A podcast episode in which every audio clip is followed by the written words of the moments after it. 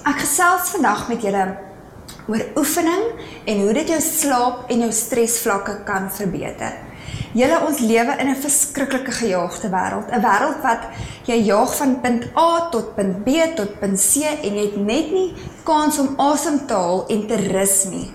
Wanneer laas het jy teruggesit en net jou voete opgeskop en 'n lekker boek gelees en ontspan vir 30 minute aan een sonder dat jou foon jou pla sonder dat iemand jou roep of jou aandag nodig het of sonder dat 'n kind moet kos kry of jou man aandag nodig het. Wanneer laas het jy net tyd gemaak vir jouself om te ontspan, om van stres ontslae te raak? Ons lewe in 'n verskriklike dol lewe en ek wil jou uitdaag om oefening te gebruik as 'n tegniek om van stres ontslae te raak en om jou slaap te verbeter. Die ironie agter dit is eintlik ons het nooit genoeg energie om te oefen nie. Snaaks is dit nie? Want oefening kan jou meer energie gee deur die dag. Ons is altyd moeg in die aande, maar ons kry nie geslaap nie. Ons kan nie 'n oog toemaak nie, jou brein is te besig. Maar maar ehm um, oefening kan jou help daarmee, want oefening kan ehm um, put jou fisies meer uit en dit verander jou breinpatrone. So dit kan jou help om te slaap en outomaties as jy beter slaap, gaan jou stres verbeter, gaan jou stres minder wees deur die dag want nou herstel jou liggaam homself. So ek wil vir jou verduidelik hoe oefening, hoe jy oefening kan gebruik om stres te verbeter en slaap te verbeter. 1 uit 15 volwassenes sukkel met slaapapnee. Dis verskriklik. Stres en inflammasie kan gesonde breinfunksie beïnvloed. Julle as jou brein nie reg funksioneer nie, hoe moet jy enigiets deur die dag reg doen? uh jou geheue kan negatief beïnvloed word as gevolg van stres. En slapeloosheid, oefening kan help daarmee om vinniger aan die slaap te raak, om langer te slaap en om ook beter te slaap. So die kwaliteit van jou slaap is beter. Oefening verhoog jou energievlakke deur die dag. So hierdie hele kringloop, alles val net mooi in plek as jy bietjie gaan tyd maak om te oefen. Prioritiseer dit. Maak tyd vir jouself.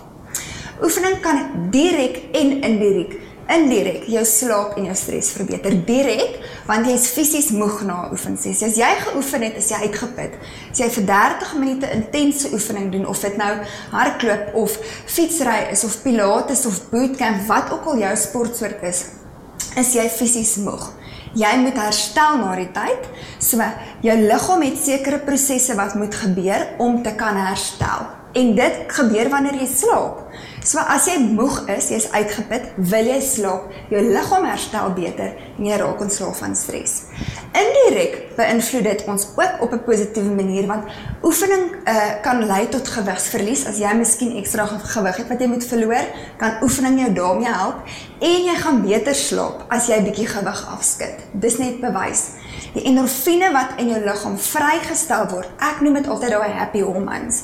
Daar is 'n klomp uh, hormone wat vrygestel word en daai happy hormones het verskillende funksies wat dit in jou liggaam dan uitvoer.